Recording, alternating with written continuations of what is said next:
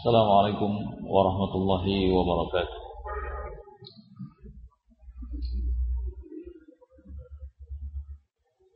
إن الحمد لله نحمده تعالى ونستعينه ونستغفره ونعوذ بالله من شرور أنفسنا وسيئات أعمالنا. من يهده الله فلا مضل له ومن يضلل فلا هادي له. أشهد أن لا إله إلا الله وحده لا شريك له وأشهد أن محمدا عبده ورسوله. يقول الله عز وجل في كتابه الكريم يا أيها الذين آمنوا اتقوا الله حق تقاته ولا تموتن إلا وأنتم مسلمون. يا أيها الناس اتقوا ربكم الذي خلقكم من نفس واحدة وخلق منها زوجها وبث منهما رجالا كثيرا ونساء. واتقوا الله الذي تساءلون به والأرحام. إن الله كان عليكم رقيبا. يا أيها الذين آمنوا اتقوا الله وقولوا قولا سديدا. يصلح لكم أعمالكم ويغفر لكم ذنوبكم. ومن يطع الله ورسوله فقد فاز فوزا عظيما. أما بعد فإن أصدق الحديث كلام الله تعالى وخير الهدي هدي محمد صلى الله عليه وعلى آله وسلم. وشر الأمور محدثاتها فإن كل محدثة في دين الله بدعة وكل بدعة ضلالة وكل ضلالة في النار. Ikhwani Fiddin rahimani wa rahimakumullah.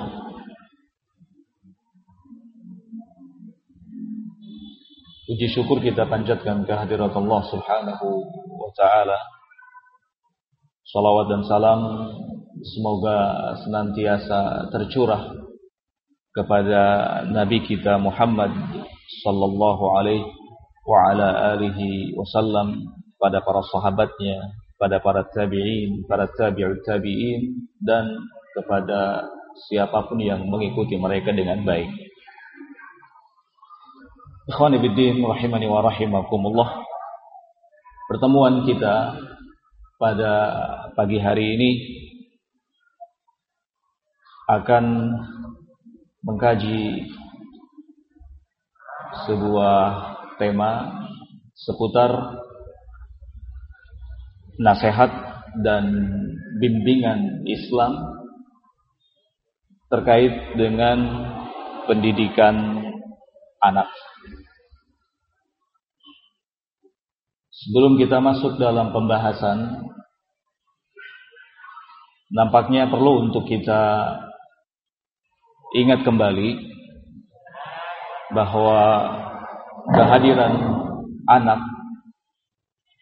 di tengah-tengah kita adalah sebuah anugerah yang besar yang Allah Subhanahu wa taala berikan kepada kita patut untuk kita apresiasi dalam wujud syukur kepadanya. Karena keberadaan anak adalah nikmat. Allah Subhanahu wa taala menyatakan dalam firman-Nya, "La in syakartum la azidannakum wa la in kafartum inna adabi lasyadid." Jika kalian bersyukur, tentu aku akan tambahkan nikmatku kepada kalian. Namun jika kalian kufur, maka ketahuilah sesungguhnya azabku sangat keras.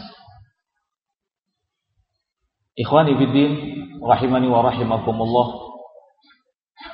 Secara naluri atau tabiat masing-masing kita tentu sangat mencintai dan menyayangi anak-anak kita putra putri kita.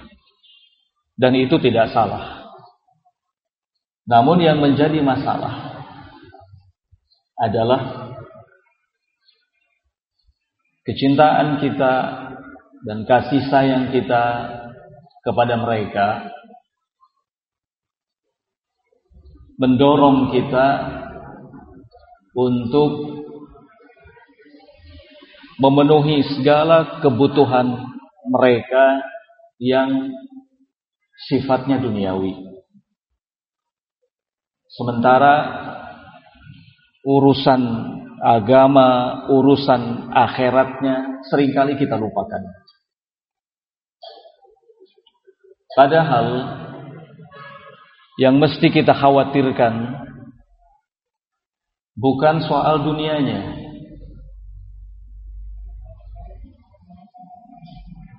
Yang mesti kita khawatirkan adalah ketika anak-anak kita, putra-putri kita tidak memiliki bekal agama yang cukup untuk bisa menjalani kehidupannya dengan baik dan sebagai bekal nanti ketika masuk dalam kehidupan akhirat. Oleh karena itu di dalam Al-Quran surat An-Nisa ayat yang ke-9 Allah subhanahu wa ta'ala mengingatkan kata Allah subhanahu wa ta'ala wal yakhshal ladzina law taraku min khalfihim dzurriyyatan dhi'afa khafu 'alaihim falyattaqullah wal yaqulu qawlan sadida hendaknya takut orang-orang yang apabila mereka meninggalkan di belakang mereka keturunan-keturunan yang lemah yang mereka khawatirkan persoalan akhiratnya, agamanya. Maka hendaknya bertakwa kepada Allah Azza wa Jalla wal yaqulu qawlan sadida dan hendaknya berkata dengan kata-kata yang baik. Di dalam ayat ini Allah Subhanahu wa taala mengingatkan kepada kita semua kalau memang kita merasa khawatir meninggalkan putra-putri kita, anak-anak kita dalam keadaan tidak mengerti soal agama, kita mengkhawatirkan soal akhirat mereka, maka kita harus bertakwa kepada Allah Azza wa Jalla.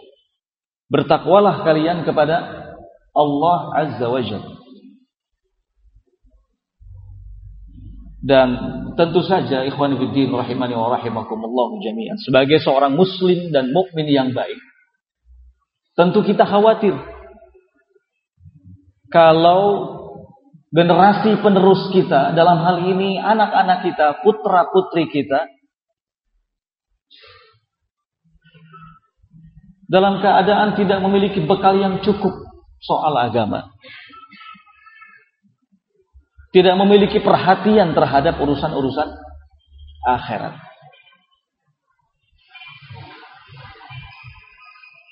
Sementara Allah Subhanahu wa taala kembali mengingatkan dalam firman-Nya, "Hu anfusakum wa ahlikum nar." Jagalah diri kalian dan keluarga kalian dari ancaman api neraka.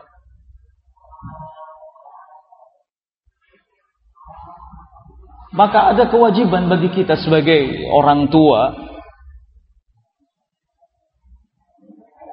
untuk mengetahui apa nasihat dan bimbingan Islam terkait dengan putra putri kita, anak-anak kita. Ikhwani rahimani wa rahimakumullah.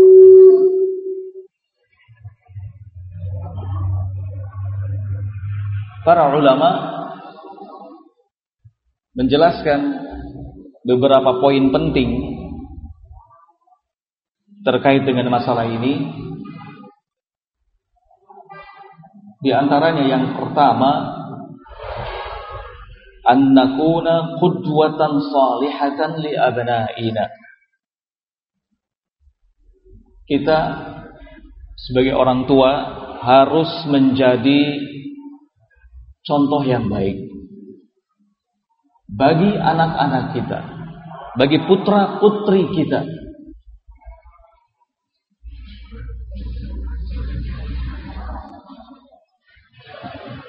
Jika kita ingin mereka soleh dan solihah, Maka kita sebagai orang tua, sebagai bapak ibunya harus menjadi bapak ibu yang soleh dan salihah.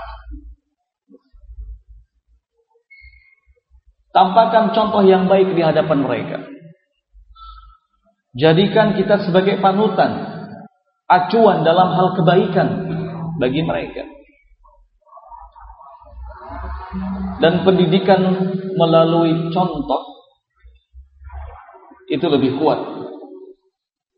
Lebih melekat, lebih memberikan efek yang positif. Oleh karena itu, Allah Subhanahu wa taala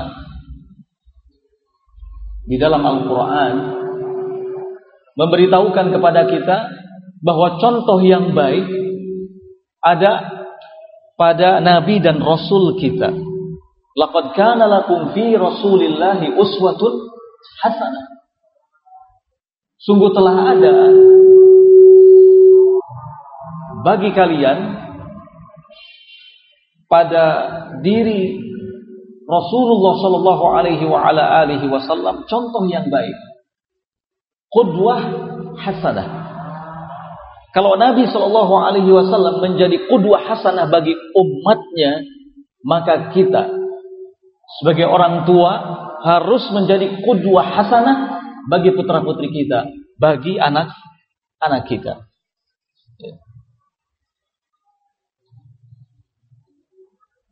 Segala sesuatu dengan adanya contoh bisa menjadi jelas. Disebutkan dalam kata-kata Arab bil misal yattadhihu al asya dengan contoh akan menjadi jelas segala perkara. Maka berusahalah kita menjadi orang tua yang baik menjadi contoh dalam kebaikan bagi putra-putri kita. Sebelum kita berbicara lebih jauh soal pendidikan, bagaimana mendidik anak, bagaimana mendidik anak, maka yang pertama kali harus kita perhatikan adalah ini. Kita harus menjadi qudwah hasanah. Contoh yang baik bagi anak-anak kita. Ini yang pertama. Kemudian yang kedua,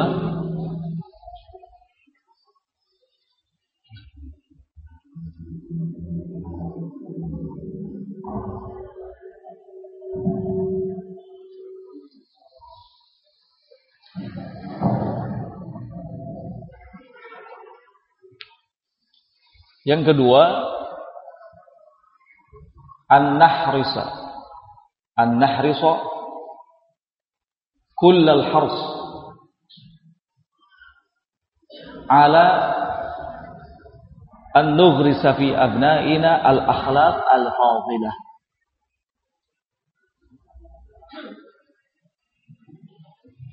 Kita sebagai orang tua hendaknya bersungguh-sungguh menanamkan akhlak yang baik, akhlak yang mulia pada diri anak-anak kita, putra putri kita.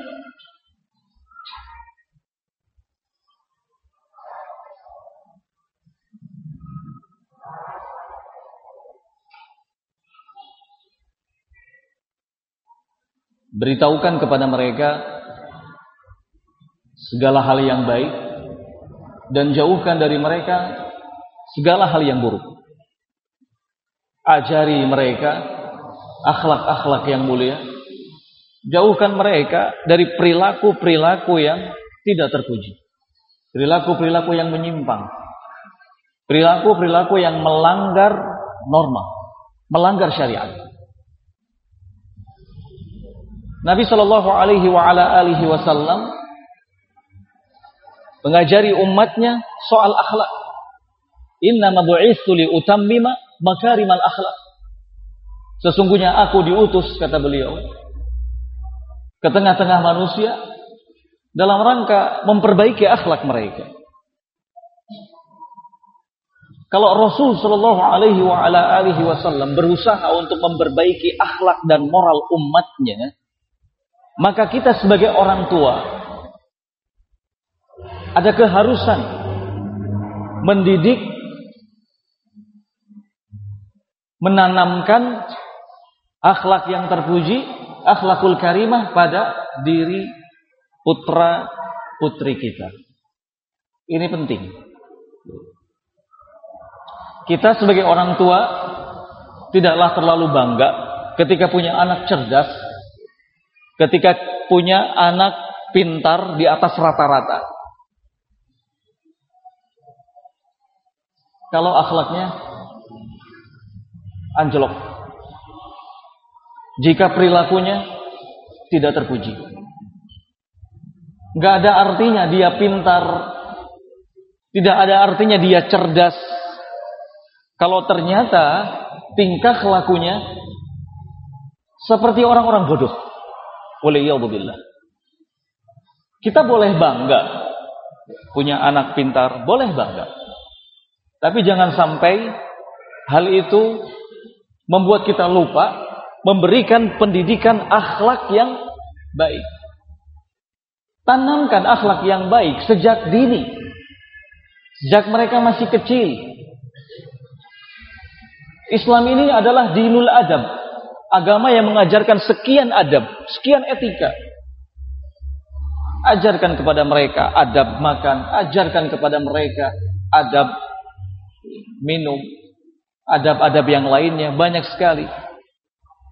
Penting pelajaran adab dimulai ketika mereka anak-anak kita masih kecil.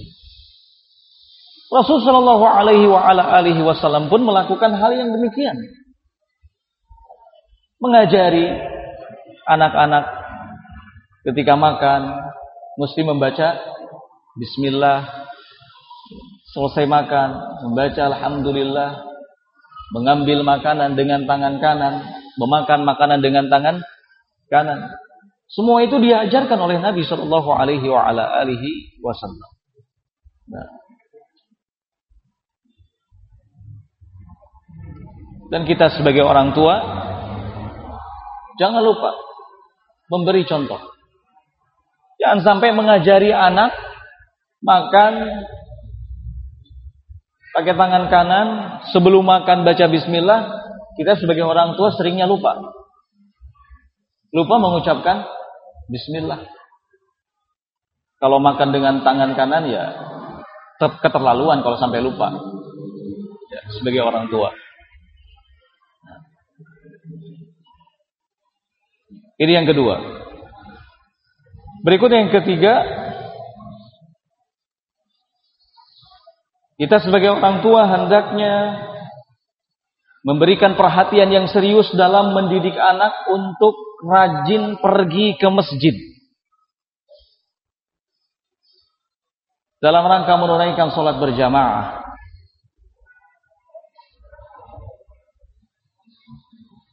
Mendidik mereka supaya rajin bersuci, rajin wudhu.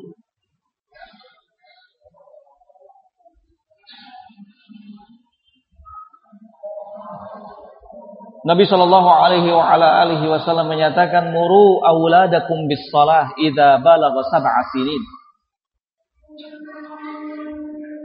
Suruh anak-anak kalian untuk mulai mengerjakan sholat ketika mereka ada di usia tujuh tahun. Wadribuhum 'alaiha ashra. Dan hukum mereka ketika tidak mau sholat saat usianya 10 tahun. Memang usia 7 tahun belumlah masuk dalam kategori mukallaf. Namun demikian, pendidikan soal hal-hal yang baik mesti sudah dimulai. Sekalipun belum masuk kategori mukallaf. Mukallaf itu Islam berakal dan balik. Itu mukallaf. Jangan sampai ada seseorang beranggapan bahwa mulainya kita memberikan pendidikan kepada anak itu nanti kalau anak sudah usia tujuh tahun. Kalau belum tujuh tahun, nggak perlu. Salah, keliru. Ya. Sebelum tujuh tahun pun ada hal-hal yang baik yang mesti kita contohkan, mesti kita perlihatkan, mesti kita sampaikan sebagai bimbingan. Apalagi kalau sudah usia tujuh tahun. Kalau sudah usia tujuh tahun, bawa mereka pergi ke masjid. Suruh mereka pergi ke masjid untuk menunaikan sholat. Tujuan utamanya adalah membentuk mereka supaya tumbuh kembang dalam nuansa ketaatan, nuansa ibadah kepada Allah Azza wa Jalla. Kita sering mendengar kata-kata bisa karena biasa. Karena biasa, jadi bisa.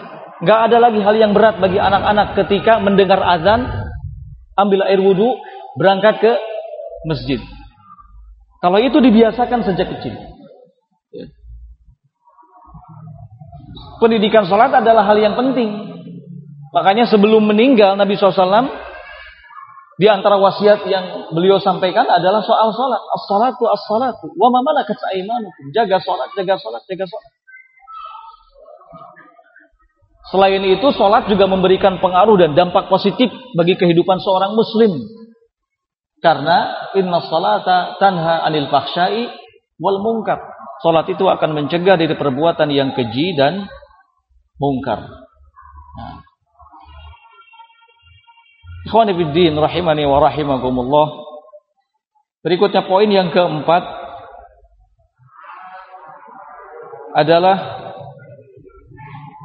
an nahrusa ala tajnibi abnaina kulla ma yaghdabu Allah azza wa jalla. Kita sebagai orang tua harus berusaha sekuat tenaga menjauhkan anak-anak kita dari segala hal yang bisa mengundang murka Allah azza wa jalla.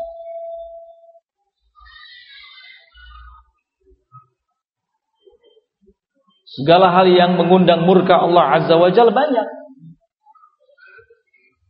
Bisa jadi berhubungan dengan hal yang dilihat atau hal yang didengar.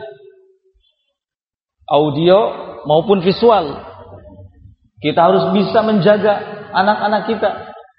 Jangan sampai mereka jatuh ke dalam perkara-perkara yang justru mengundang murka Allah Azza wa Jalla. Ini kita lakukan baik di dalam rumah atau ketika mereka berada di luar rumah. Di dalam rumah kita lindungi mereka dari media-media yang membahayakan.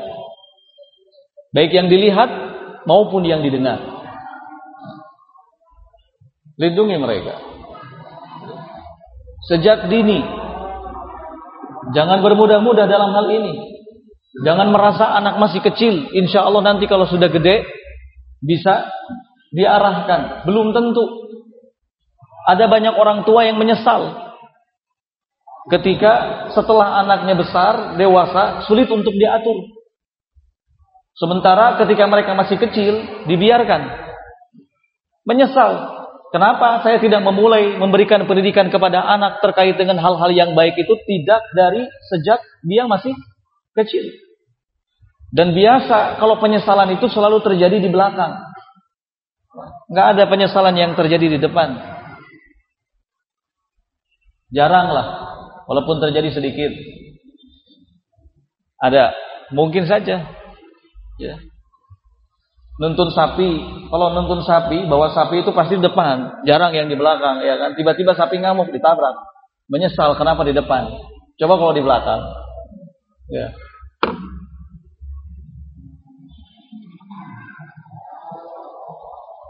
Banyak orang tua yang menyesal. Setelah anaknya dewasa, lebih banyak mengenal dunia luar.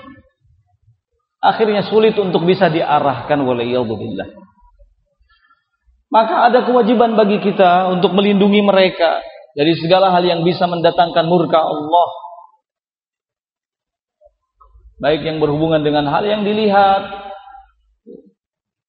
visual atau yang didengar audio.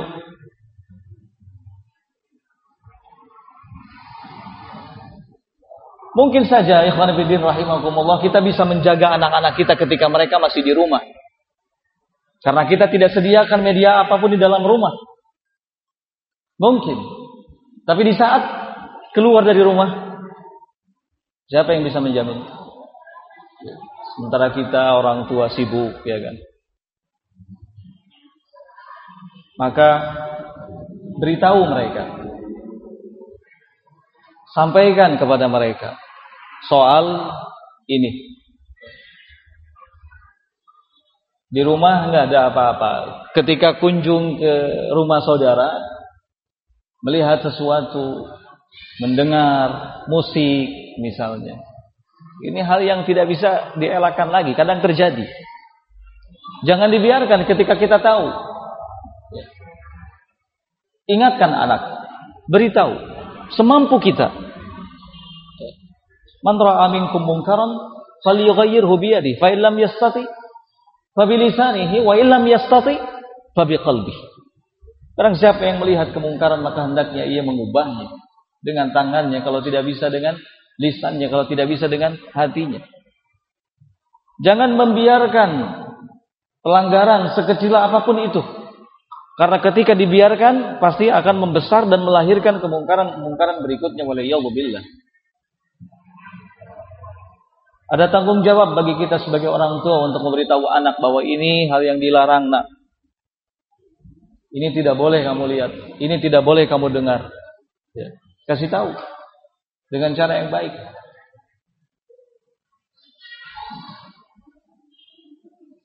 Dan kita sebagai orang tua juga harus memberikan contoh dalam hal itu.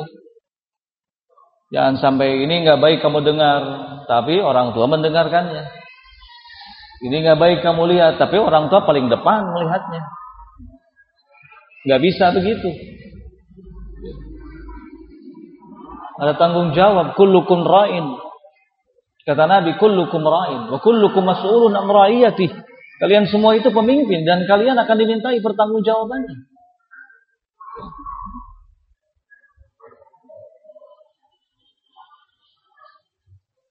Istri adalah pihak yang kita pimpin.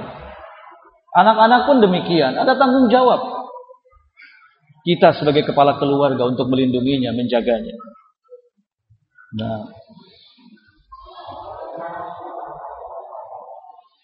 Berikutnya ikhwan fillah rahimani wa rahimakumullah yang kelima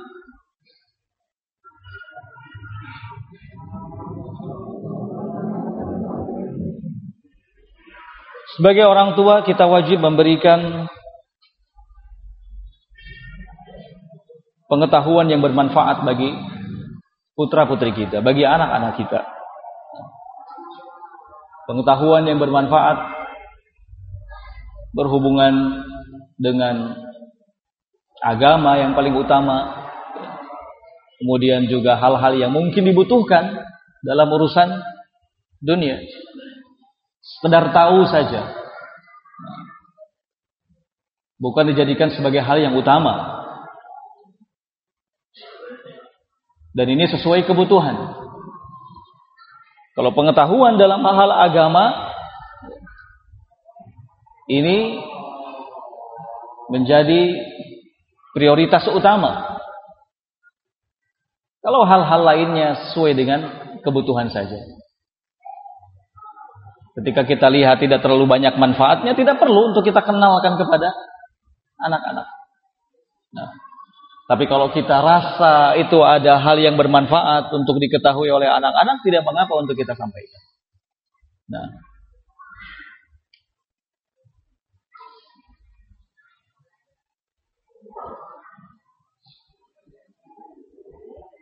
Berikutnya yang keenam adalah an nuwaffira li abna'ina al-jawwa al-'aili al-hadi kita sebagai orang tua mesti menciptakan suasana keluarga yang tenang, yang adem, yang tentram, yang nyaman.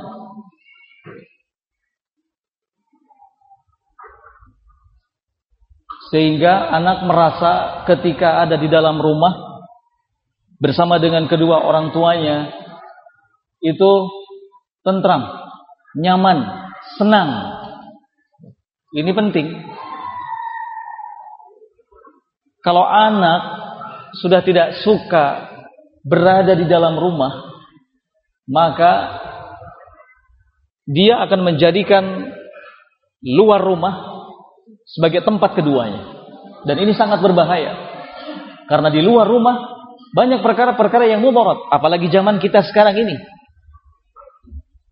Maka kita harus berusaha menciptakan suasana rumah itu senyaman mungkin.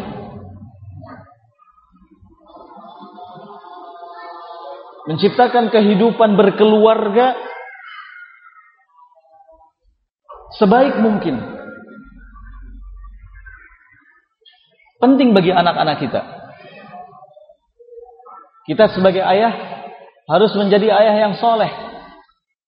Istri kita sebagai ibu harus menjadi ibu yang solihah. Harus menjadi ibu yang solihah. Dan hal penting yang harus kita ingat bahwa memberikan pendidikan kepada anak-anak kita sebenarnya sudah bisa kita mulai sejak sebelum kita hidup berumah tangga. Caranya kalau kita sebagai laki-laki maka kita harus mulai mencari pasangan hidup ya, wanita yang solihah. Kalau wanita berarti sebaliknya harus mencari pasangan hidup laki-laki yang soleh. Sudah bisa kita mulai sejak sebelum kita hidup berumah tangga. Ya. Kita ingin punya keturunan generasi penerus yang baik, yang soleh dan solihah, maka harus mencari istri yang baik, istri yang solihah. Ad-dunya mata wa khairu mata'iha al-mar'ah as-salihah. Dunia itu perhiasan. Dan sebaik-baik perhiasannya adalah wanita yang salihah. Wanita yang mampu memberikan ketenangan, kenyamanan, ketentraman hidup. Wanita yang mampu memberikan keamanan luar dalam, lahir dan batin. Ya. Cari wanita yang salihah. Mungkin kita ya, ada yang bertanya, seperti apa kriteria wanita yang solihah itu?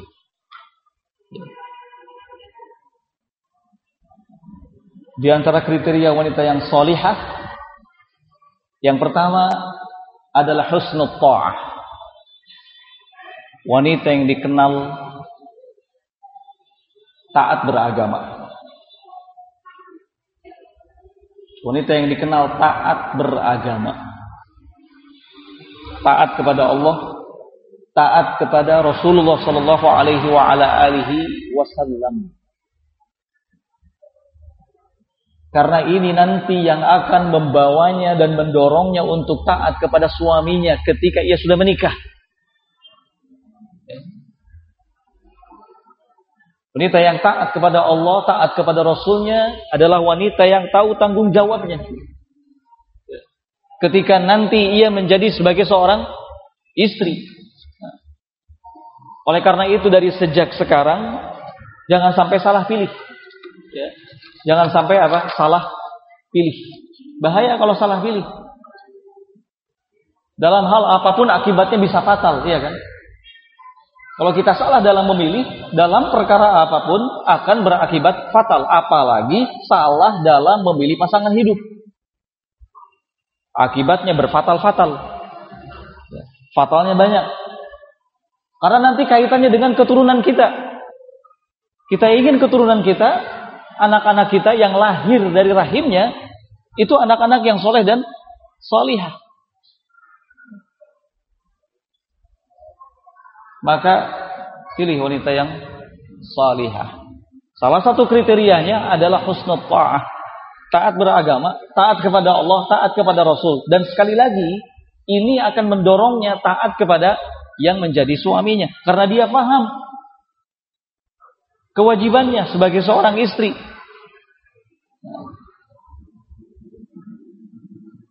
Dan ketaatannya kepada suami tentu tidak secara mutlak. Dia akan taat kepada suaminya dalam perkara-perkara yang ma'ruf yang tidak mengandung kemaksiatan kepada Allah dan Rasulnya.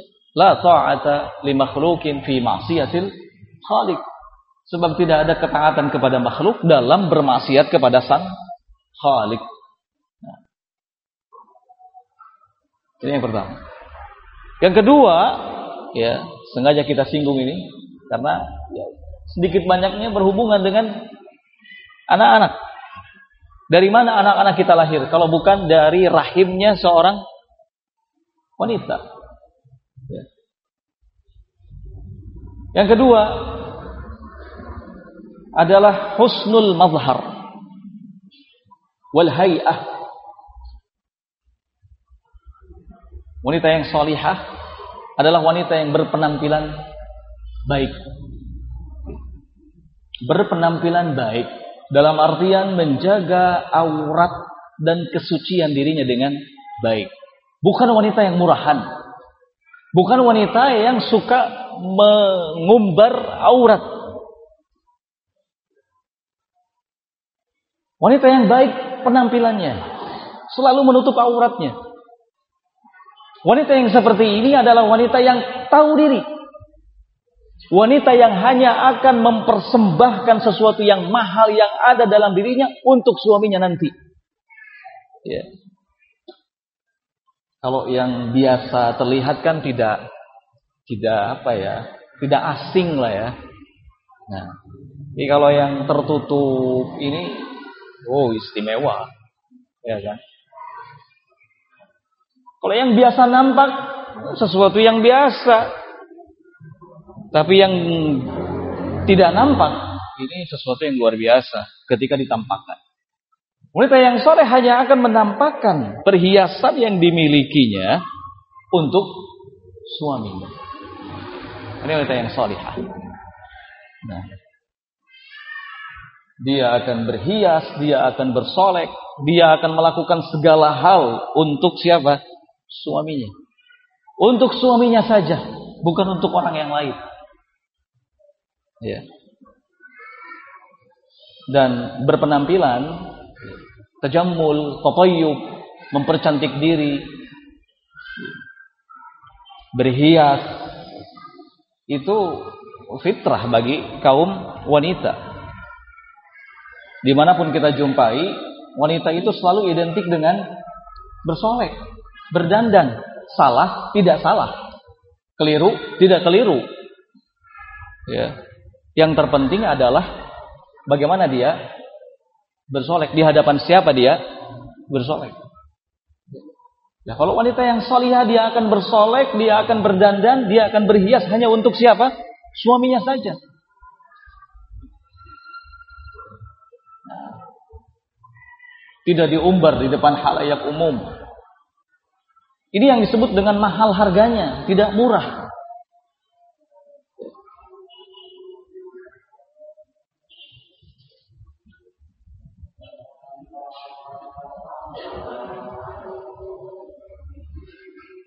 Ini ciri yang kedua dari ciri-ciri dan karakter wanita yang salihah. Yang ketiga, at-tawaddud ila zauj. Wanita yang salihah itu adalah wanita yang memiliki kecintaan, kasih sayang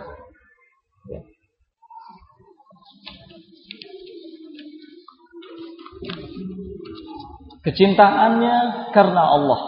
Kasih sayangnya tulus. Kalau seorang wanita sudah tertanam dalam dirinya ketika mencintai sesuatu, ia akan mencintainya karena Allah. Maka ketika statusnya sebagai seorang istri, dia akan mencintai suaminya karena Allah. Bukan karena hawa nafsu. Kalau cinta karena hawa nafsu tidak akan lama. Beda halnya cinta karena Allah Azza wa Jalla tidak akan lekang dimakan waktu. Selalu ada dan akan tetap ada. Ya. Makanya Nabi SAW mengatakan tazawwaju al-walud al-wadud. Nikahilah wanita-wanita yang bisa memberikan keturunan yang banyak alias subur dan wanita-wanita yang penyayang. Wanita-wanita yang penyayang. Wanita-wanita yang seperti ini akan senantiasa memberikan penghormatan kepada suaminya, bersikap lembut di hadapan suaminya. Nah, ia akan mencintai suaminya karena Allah Azza wa Jal. Ketika mendapati ada kekurangan dalam diri suaminya, dia tidak terlalu banyak mempermasalahkannya. Karena siapa? Dia sadar siapa yang tidak pernah punya kekurangan. Ciri yang keempat berikutnya Wanita yang salihah adalah wanita yang tertanam dalam dirinya sifat qanaah. Selalu menerima pemberian Allah Azza wa Jalla.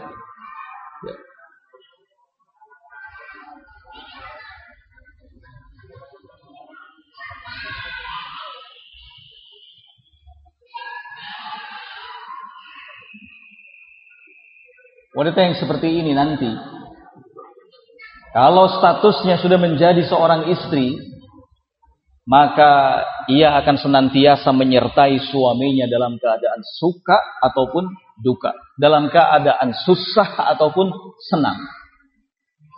Ya. Dia selalu menerima apa adanya. Ya. Qanaah. Ketika punya suami, dia akan terus menyertai suaminya dalam keadaan apa pun. Susah bersama dengan suaminya, senang bersama dengan suaminya. Ya. Susah tetap cinta kepada suaminya, senang apalagi. Ya. Kalau biasa kan begitu, kalau wanita tuh identik begitu. Kalau suaminya lagi dapat banyak rezeki, oh cintanya meningkat. Ketika tidak, rada-rada turun sedikit lah. Jadi ada istilah cinta pasang surut. Kalau suaminya lagi dapat banyak nikmat, banyak rezeki, pasang cintanya. Ketika suaminya kesusahan jadi surut cintanya. Enggak boleh seperti itu. Dan itu bukan karakter wanita yang solihah. Ya. Wanita yang solihah itu akan tetap memberikan rasa cinta kepada suaminya karena Allah dalam keadaan apa pun.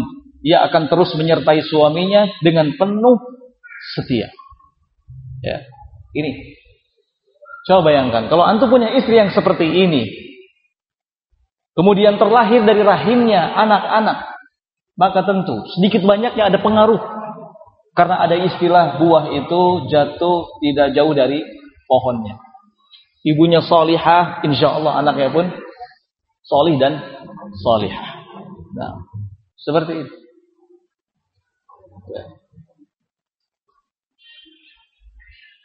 Ciri dan karakter lainnya adalah ar-ridha bima Allah. Wanita yang solihah adalah wanita yang selalu menampakkan kereda, kerelaan, keridhaan dalam menghadapi segala ketetapan Allah Azza wa Jalla. Dalam hal apa saja. Termasuk ketetapan Allah dalam hal rezeki. Ya.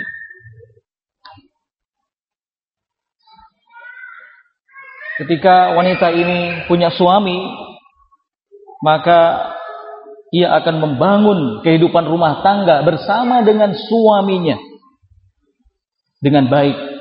Akan ada kerjasama yang dia lakukan bersama dengan suaminya. Karena kehidupan rumah tangga itu selalu dibangun di atas dasar kerjasama. Modalnya adalah cinta modalnya adalah cinta. Cinta karena Allah Azza wa Jalla. Wanita yang seperti ini yang selalu menampakkan kerelaan, kerelaan atas segala pemberian Allah atau pembagian Allah Azza wa Jalla dalam hal rezeki, dia akan sabar. Dia akan sabar bersama dengan suaminya. Sekalipun kekurangan dalam harta benda. Karena kebahagiaan hidup rumah tangga itu tidak selalu diukur dengan banyaknya harta. Ya. Bukan soal banyaknya harta kebahagiaan itu. Nyatanya banyak orang yang hartanya Masya Allah tidak kurang. Tapi hidupnya tidak bahagia. Rumah tangganya carut marut. Hancur kehidupan rumah tangganya. Anak-anaknya tidak pernah ada di rumah. Satu kali 24 jam di luar. Ya. Gak jelas. Suami menghabiskan waktu di luar. Istri pun demikian. Berarti memang kebahagiaan itu tidak selalu diukur dari adanya harta benda. Ya. Tapi kebahagiaan rumah tangga itu soal bagaimana antara suami dan istri bisa bekerja sama dengan baik. Suami berusaha, istri menampakkan penerimaan. Ya. Banyak orang yang dari segi harta biasa-biasa saja, tidak berlebih, ya. bahkan mungkin kurang, tapi soal menciptakan kebahagiaan lebih mampu, lebih bisa. Nah.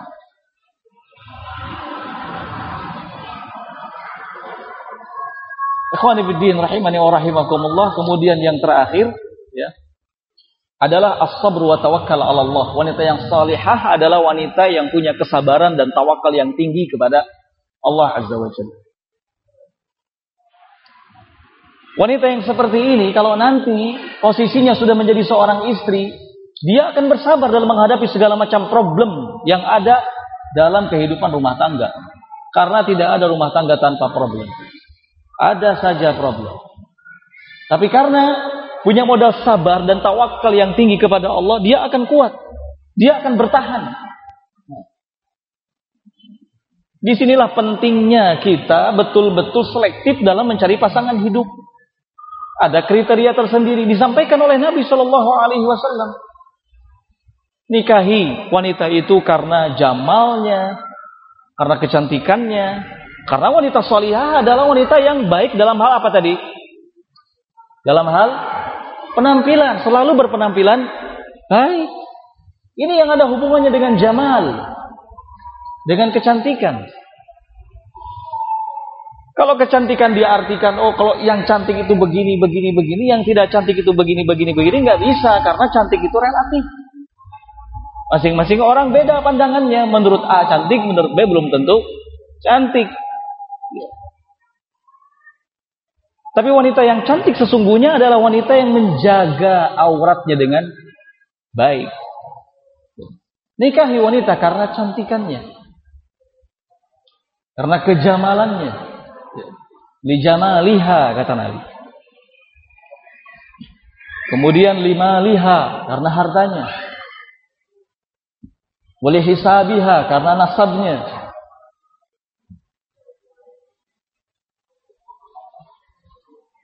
Kemudian walidiniha dan karena agamanya. Nabi Shallallahu Alaihi Wasallam di akhir memberikan pesan agar kita memprioritaskan dalam urusan apa?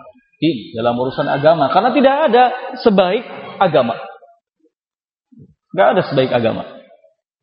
Nah. Ikhwani fiddin rahimani wa rahimakumullah.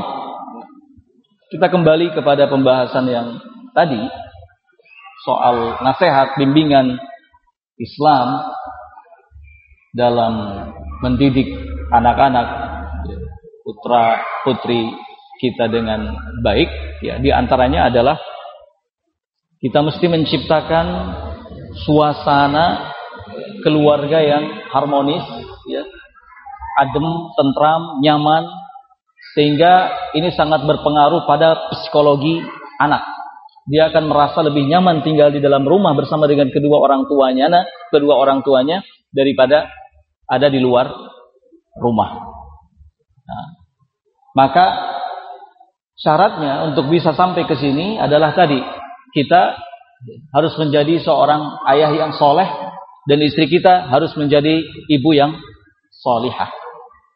Nah, nanti ada kerjasama yang baik antara keduanya dalam hal apa? Perhatian memberikan pendidikan yang baik kepada anak-anak. Mendidik anak-anak dengan penuh kasih, mendidik anak-anak dengan penuh toleransi, ya. Tidak dengan kekerasan,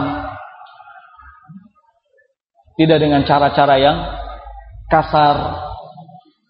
Tampakkan kepada mereka betapa pentingnya kasih sayang, kelembutan,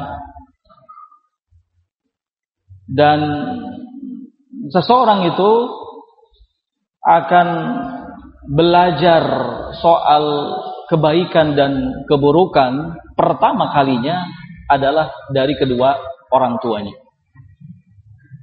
Dari kedua orang tuanya. Anak-anak kita yang hidup bersama kita di rumah akan belajar soal yang baik dan yang buruk dari kita. Makanya poin pertama saya sampaikan kita sebagai orang tua harus menjadi contoh yang baik. Anak-anak kita sekali lagi akan belajar soal hal yang baik dan hal yang buruk dari kita sebagai orang tuanya. Anak-anak kita juga akan belajar dari kita soal kasih sayang, soal kekerasan dari kita sebagai orang tuanya. Nanti itu akan membekas ketika mereka dewasa, ketika mereka besar. Kalau yang mereka tangkap dari kita keburukan, maka akan mereka kembangkan keburukan itu saat mereka dewasa. Kalau yang mereka tangkap dari kita kekerasan, kejahatan, maka akan mereka kembangkan kejelekan dan kejahatan itu ketika mereka dewasa. Makanya kalau kita ada masalah dengan istri, kalau kita ada sedikit pertengkaran, perselisihan dengan istri, jangan sampai itu dilakukan di hadapan anak-anak dan jangan sampai anak-anak melihat. Kita marah, marahin istri. Semua kata-kata keluar. Ada anak yang melihat. Dia akan merekam. Dia akan belajar dari situ. Dia akan mendengar kata-kata yang mungkin sebelumnya tidak dia dengar. Kita lepas kontrol karena emosi, marah. Memarahi istri. Hati-hati. Ini hal yang tidak baik. Kalau kita emosi, ya, kita ada berselisih dengan istri, bawa istri ke kamar. Ayo, kita jangan marah-marahan di sini. Kita marahan di kamar saja. Di sini ada anak-anak. Kamar marah-marah. Jangan sampai anak-anak melihat. Ya. Tentu ikhwah yang namanya kehidupan rumah tangga, siapa pun itu ya, yang berumah tangga tetap ada ya, banyak hal selisih, paham, miskomunikasi, ya kan? Biasa itu terjadi. Ada problem sedikit, biasa itu terjadi. Jangan rumah tangga kita, rumah tangga Rasulullah seperti itu. Ada kadang dan itu bagian dari ujian, menguji sejauh mana kesabaran kita. Ya. Sejauh mana keseriusan kita dalam membangun kehidupan rumah tangga. Kalau sukses di dunia maka akan menjadi sukses di akhirat. Tolong ketika kita berselisih dengan istri, kemudian kita sedikit emosi, jangan sampai anak melihat. Nah, jangan sampai anak melihat. Ini kurang baik. Ini secara tidak langsung memberikan pendidikan yang yang tidak baik.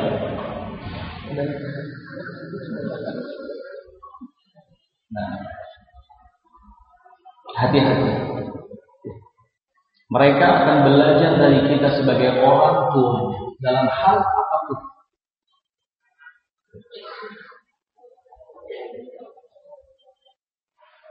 Kita juga mesti mengingatkan istri. Kalau kamu marah, kalau kamu ada sesuatu ganjalan kepada saya, Jangan ditampakkan di hadapan anak. Di tempat lain, di dapur misalnya, atau di ruangan yang lain. Bisa jadi pada awalnya kita emosi, marah, karena kita sepakat kita jangan marah-marah di sini. Kita marah di tempat yang lain, nggak jadi marah. Ya, bisa jadi seperti itu. Daripada marah-marahan tidak ada gunanya, mending bersenang-senang. Ya.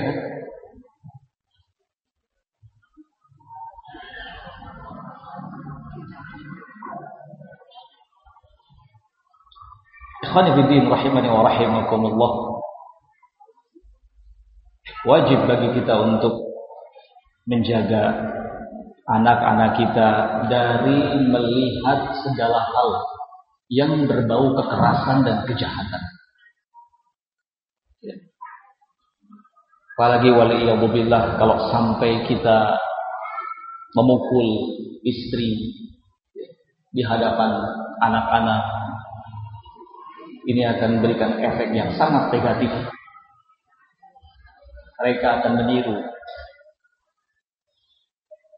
Secara tidak langsung kita mempertontonkan kekerasan dan kejahatan di hadapan. Falyattaqullah. Kata Allah Subhanahu wa taala hendaknya mereka bertakwa kepada Allah kalau memang mereka khawatir soal kesejahteraan anaknya dalam hal apa pun. Dalam hal dunianya, lebih-lebih dalam hal akhiratnya.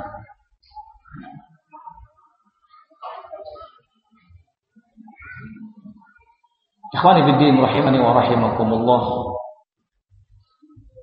Poin berikutnya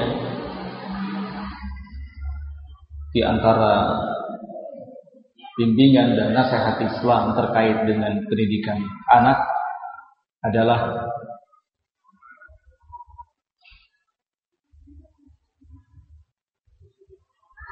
sebagai seorang ibu khususnya. Sebagai seorang ibu khususnya.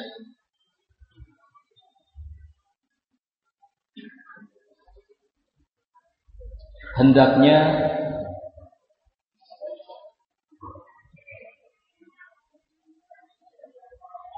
selalu memantau gerak-gerik anak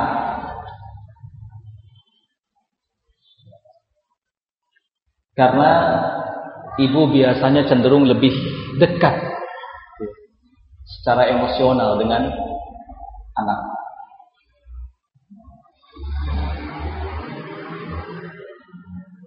Sebagai ibu yang baik, paling tidak ketika anaknya ada di rumah, jangan mengacuhkannya. Berikan perhatian. Berikan perhatian, pantau gerak-geriknya. Seorang ibu dituntut untuk melakukan hal ini sebelum yang lainnya.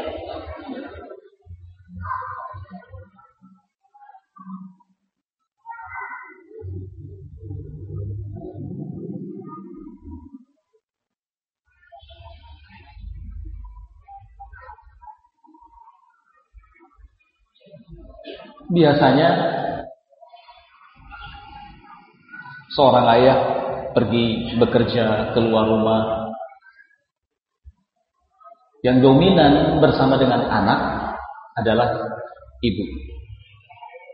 Maka ibu dituntut sebagai pihak yang terdekat untuk memantau, memberikan perhatian secara khusus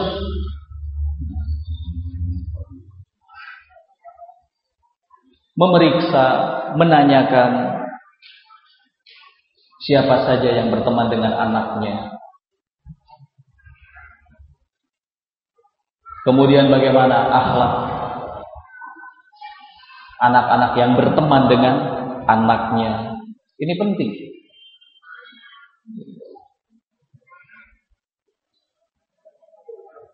Karena pertemanan itu pengaruhnya sangat besar kalau bicara pertemanan, tentu yang dimaksud tidak hanya kita orang-orang yang sudah besar, dewasa, sebagai orang tua, bapak-bapak. Anak-anak pun mendapatkan harus mendapatkan perhatian yang serius soal ini. Hadis almaru ala dini khalilihi seseorang itu dipilih berdasarkan agama temannya. Ini berlaku secara umum.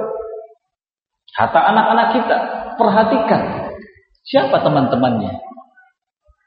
Apakah teman-temannya orang-orang yang baik, yang soleh, atau bukan? Tanyakan. Ya. Menjalis janis. Siapa yang berteman dengan seseorang, maka tentu akan tertulari ya, perilakunya. Menjalis janis. As-sahib sahib. Teman itu adalah sahib, sosok yang selalu menarik, mengajak. Kalau temannya baik, tentu dia akan mengajak kepada kebaikan. Kalau temannya jelek, tentu akan mengajak kepada kejelekan. Ini hal yang penting untuk diperhatikan. Jangan sampai kita sebagai orang tua tidak peduli anak bermain dengan siapa, yang penting happy. Yang penting tidak rewel, yang penting tidak nakal. Lah, abadan, enggak boleh.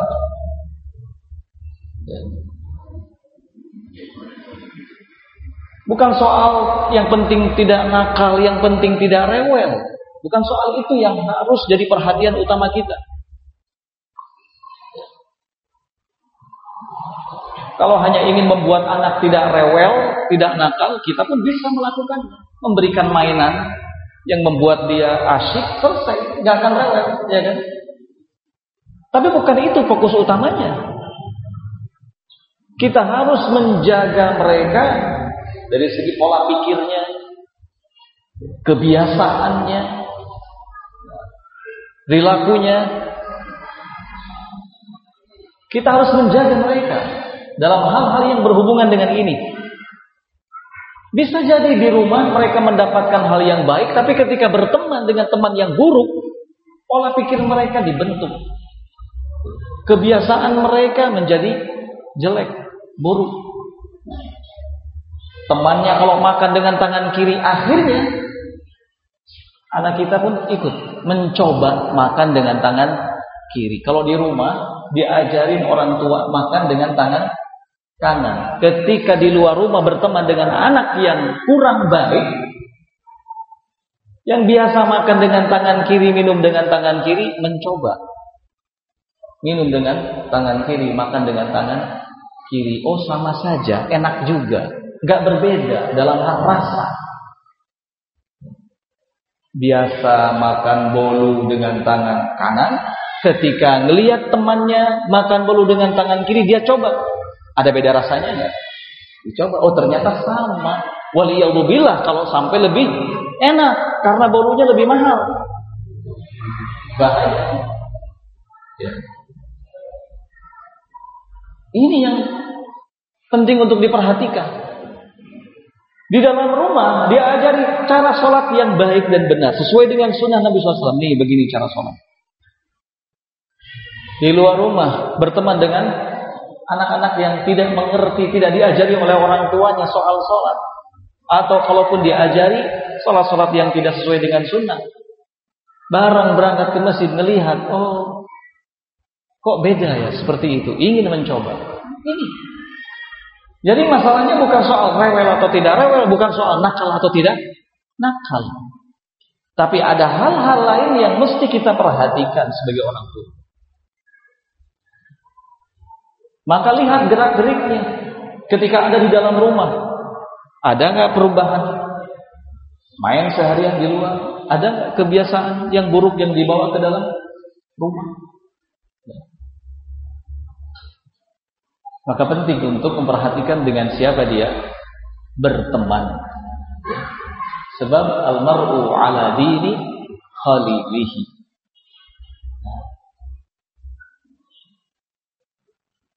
Kemudian hal lain yang harus diperhatikan adalah kata-kata yang diucapkan olehnya.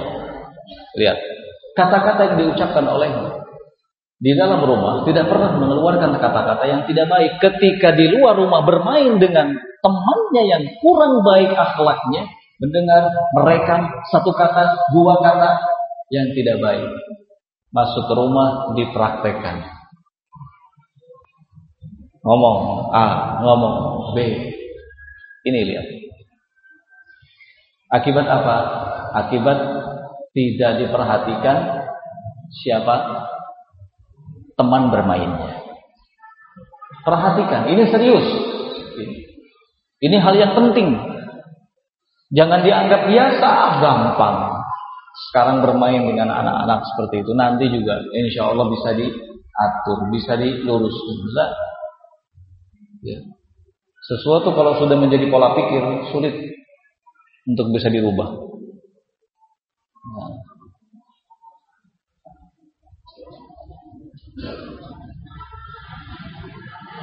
Kemudian berikutnya, hal yang perlu diperhatikan masih sehubungan dengan hal ini adalah soal permainan. Soal permainan di rumah disediakan permainan-permainan yang baik. Permainan-permainan yang tidak membahayakan dirinya. Ketika di luar rumah berteman dengan teman-teman yang kurang baik, dia ajak nonton ini, nonton itu, diajak dengarkan ini, dengarkan itu, hal-hal yang mungkar, hal-hal yang haram. Ya.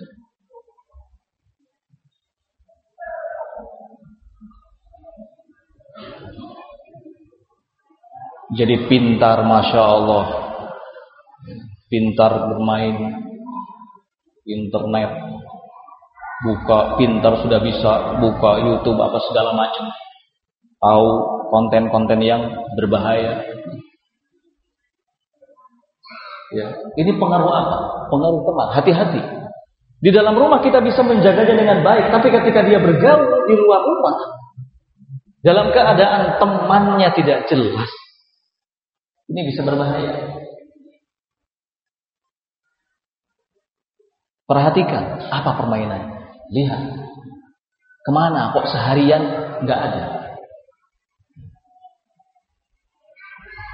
Jadi orang tua jangan tidak pernah peduli. Alhamdulillah nih anak berangkat jam 10 tadi sampai jam menjelang asar belum pulang. Alhamdulillah jajannya jadi berkurang ini.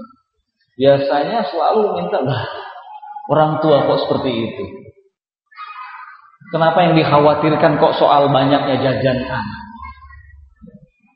Perhatikan hal yang lain, khawatirkan perkara yang lain. Ke mana ini? Sudah sekian jam belum pulang-pulang. Khawatir. Ada di luar rumah. Siapa temannya? Perhatikan. Ya. Jangan merasa nyaman.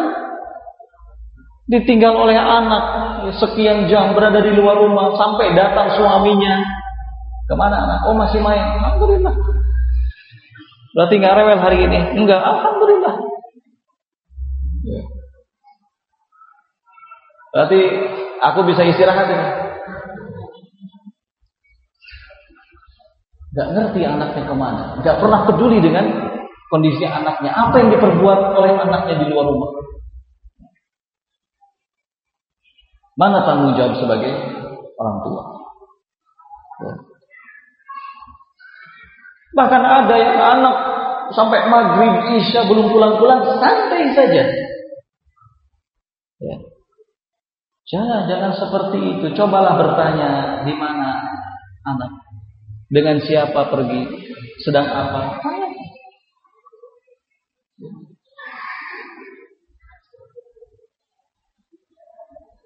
Kalau hewan piaraan jam 5 belum masuk kandangnya dicari, Iya kan? Anak sendiri subhanallah dibiarkan kan ironis.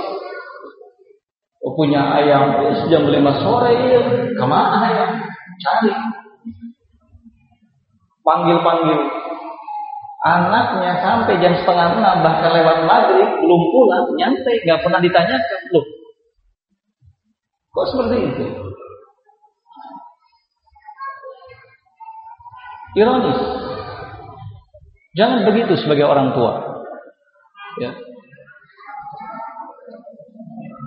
Ikhwan ibn rahimani wa rahimakumullah. Berikutnya.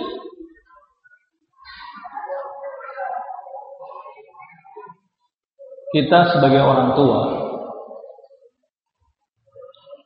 hendaknya membangun komunikasi yang baik. Membangun komunikasi yang baik. Di dalam rumah. Antara kita dengan istri, antara istri dengan kita, antara kita dengan anak, antara anak dengan kita. Bangun komunikasi yang baik. Supaya apa? Supaya ada kebersamaan. Anak merasa dianggap keberadaannya saat di dalam rumah.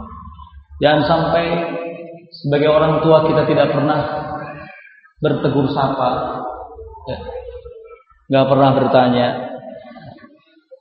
nggak pernah ngobrol. Jangan, jangan sampai seperti itu. Dan sampai sebagai orang tua ketika anak datang sibuk dengan HP, ibunya sibuk, bapaknya juga sama. Anak ada di situ. Anak merasa tidak dipedulikan. Dia tidak akan betah di rumah. Dia akan lebih asik di luar rumah karena di luar rumah dia bisa bermain, berkomunikasi dengan baik bersama dengan teman-temannya. Di rumah tidak mendapatkan hal itu. Islam mengajarkan agar kita membangun kehidupan rumah tangga itu di atas landasan komunikasi yang baik.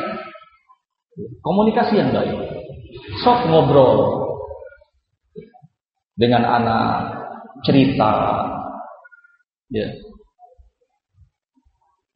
tentang hal apa pun. Gak mesti ketika anak datang, baik, sini, sini, sini. Ini ada nasihat nih, nasihat yang baik untuk anak. Dengerin, dengerin, dengerin. Satu, harus begini, begini, begini. Dua, harus begini, begini, begini. Gak mesti begitu. Cara mendidik gak selalu seperti itu. Lembutkan hatinya. Bikin dia senang. Bangun komunikasi. Ngobrol. Jalin kedekatan.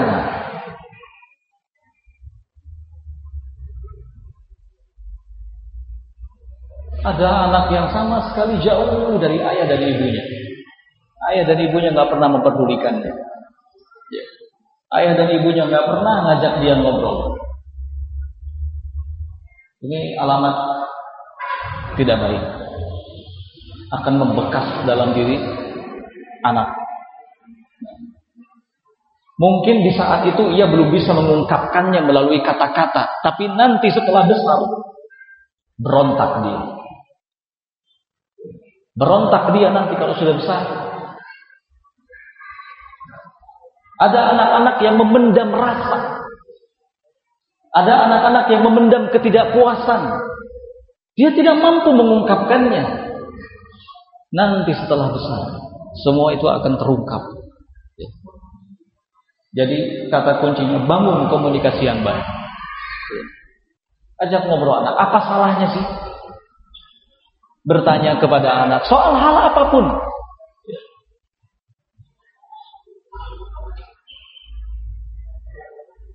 Soal pakaiannya, mungkin soal sandalnya, atau soal apa saja. Ya.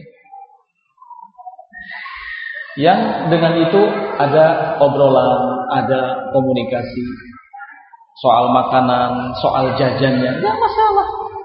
Ya. Istri juga harus sama menjalin kedekatan dengan anak. Jangan sampai istri, suami, anak di satu tempat berdekatan tapi terasa jauh karena masing-masing sibuk dengan HP-nya.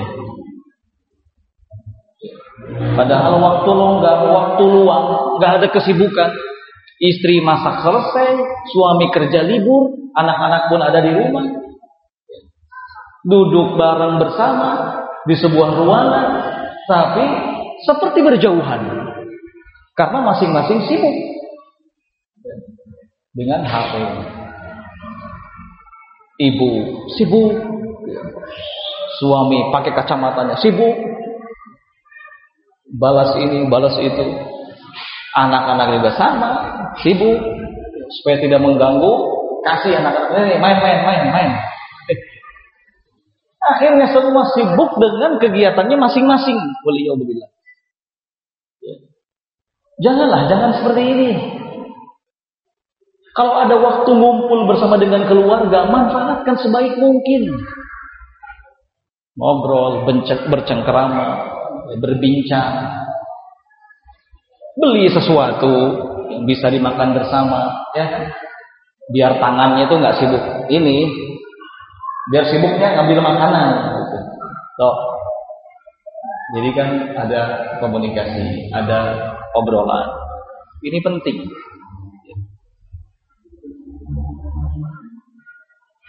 Itu jadi penopang yang kuat. Bagaimana kita bisa mendidik anak kalau komunikasi saja antara kita dengan anak tidak terbangun dengan baik. Teksiga kumaha mendidiknya Mau kayak apa cara mendidiknya? Mau membiarkan anak berkembang secara alamiah? Membiarkan sajalah dia berkembang secara alamiah. Masya Allah. Ya. Biar tumbuh kembang secara alamiah sesuai dengan dunianya. Alhasil anak bebas. Ya. Gak pernah tahu soal yang baik. Sementara yang dominan sekarang itu kan keburukan di mana-mana. Di luar rumah jelas keburukannya, kadang-kadang dalam rumah pun ada keburukan. Ya, kalau dibebaskan begitu saja, bahaya. Nggak ada rasa pedulinya sama sekali. Jangan, jangan seperti ini. Ikhwan fillah rahimani wa rahimakumullah. Itu beberapa poin penting yang menjadi dasar dalam bagaimana Islam memberikan bimbingan nasihat terkait dengan pendidikan anak. Kemudian ada hal lain yang patut untuk kita waspadai. Hal yang berhubungan dengan kesalahan-kesalahan ketika memberikan pendidikan. Ini juga penting. Penting untuk kita ketahui agar kita tidak terjerumus ke dalamnya. Yang pertama adalah mukhalafatul qaul lil fi'l. Adanya kontradiktif berbeda antara ucapan dan perbuatan.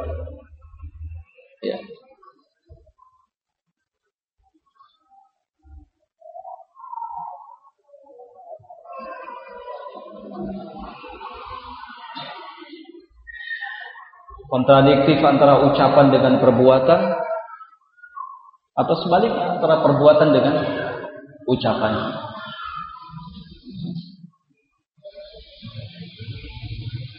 Ini akan memberikan pengaruh yang negatif kepada diri anak.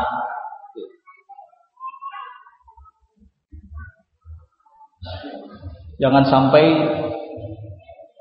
kita mencontohkan sesuatu tapi tidak kita kerjakan. Jangan sampai kita mengarahkan anak untuk melakukan sesuatu, tapi kita tidak melakukannya. Bagaimana seorang anak bisa belajar soal kejujuran kalau kedua orang tuanya biasa berdusta? Ya. Bagaimana seorang anak bisa belajar soal amanat kalau kedua orang tuanya selalu berbuat curang?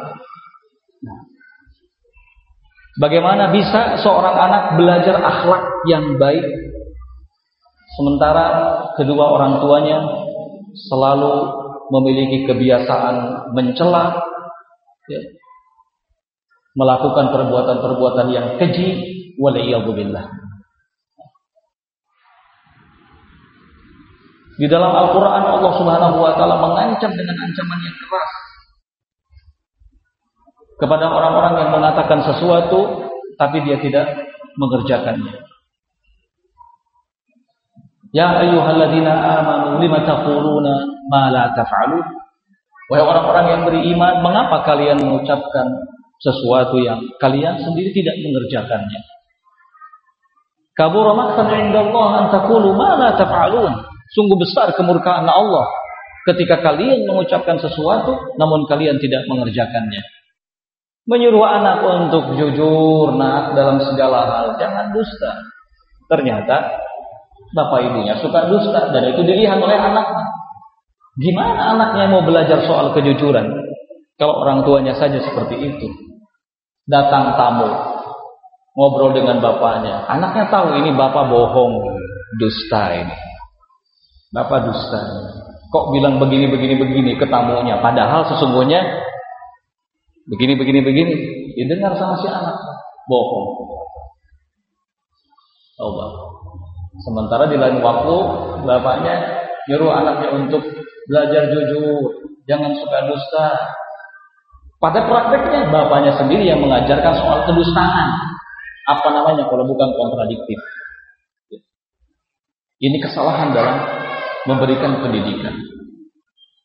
Makanya di awal tadi disinggung bahwa kita sebagai orang tua harus menjadi kudwah hasanah, contoh yang baik.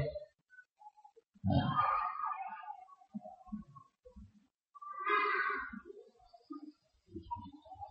Jangan sampai anak menyaksikan, melihat pemandangan-pemandangan yang tidak baik. Kontradiktif antara ucapan dengan perbuatan. Nyuruh anak rajin ke masjid, sholat pergi ke masjid, kalau datang, kalau dengar azan segera wudhu berangkat ke masjid. Sementara ayahnya tidak begitu. Bagaimana bisa seorang anak belajar tentang itu sementara ayahnya tidak memberikan contoh yang baik.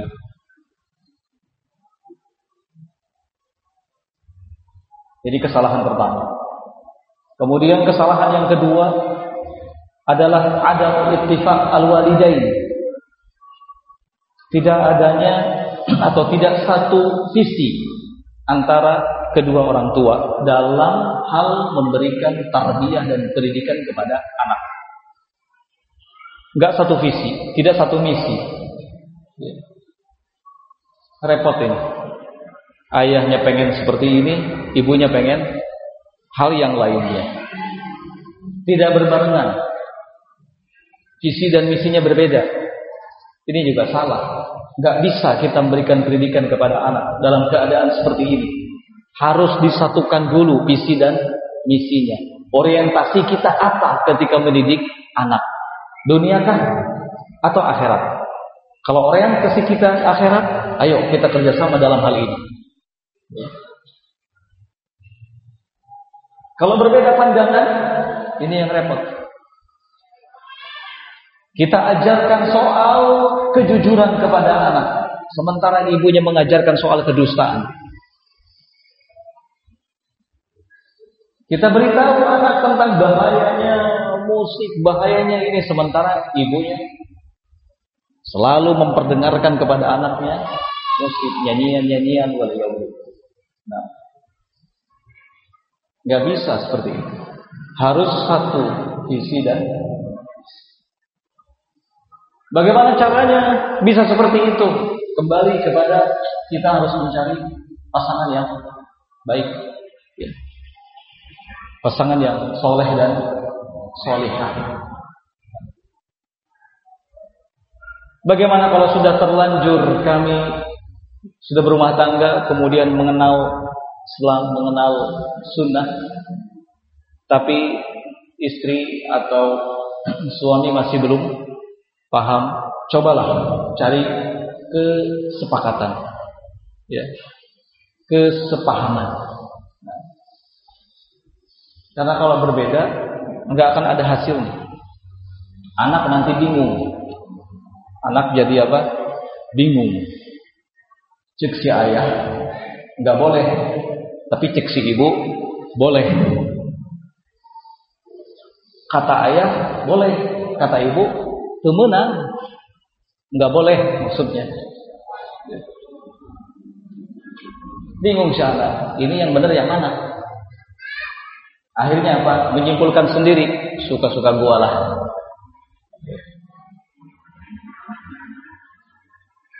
Ini bahaya.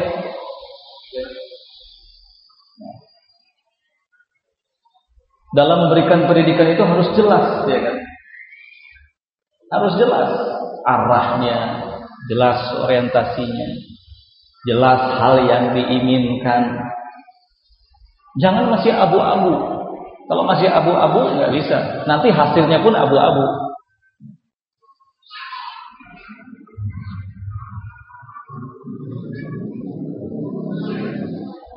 Kesalahan yang ketiga dalam memberikan pendidikan kepada anak adalah membiarkan anak menjadi mangsa media sosial. Ya. Subhanallah memang zaman sekarang ya, disadari atau tidak, diakui atau tidak, ketergantungan kita kepada yang namanya medsos itu begitu tinggi. Sehingga kondisi yang seperti ini memaksa kita untuk sedikit banyaknya meluangkan waktu ya, dalam hal tersebut. Dan ini pun tentu memberikan pengaruh yang tidak kecil terhadap anak-anak kita, generasi penerus kita. Maka awasi, tetap kontrol. Jangan dibiarkan secara bebas.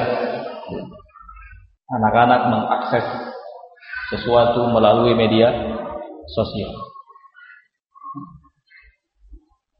Jangan dibiarkanlah intinya.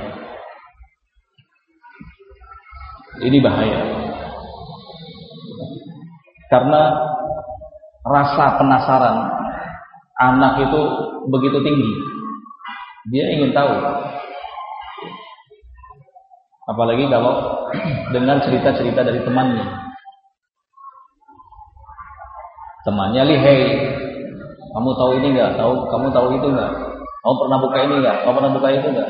Cobalah buka di rumah.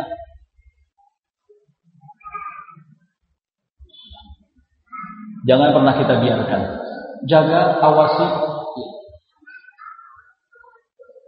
lindungi dari hal-hal yang bisa membuat moralnya rusak, membuat perilakunya menyimpang waliyahzubillah.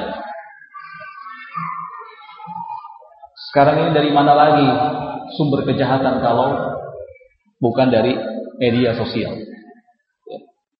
Diakui atau tidak, disadari atau tidak.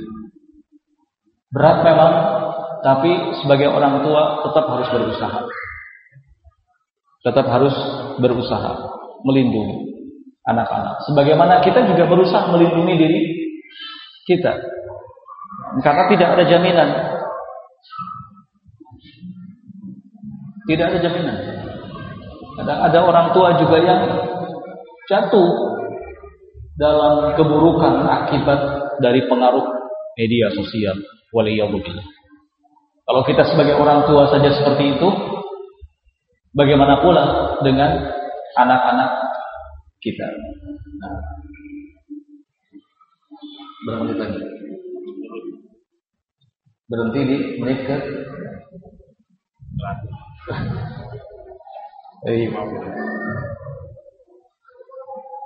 Kesalahan berikutnya ikhwan fiddin rahimani wa rahimakumullah adalah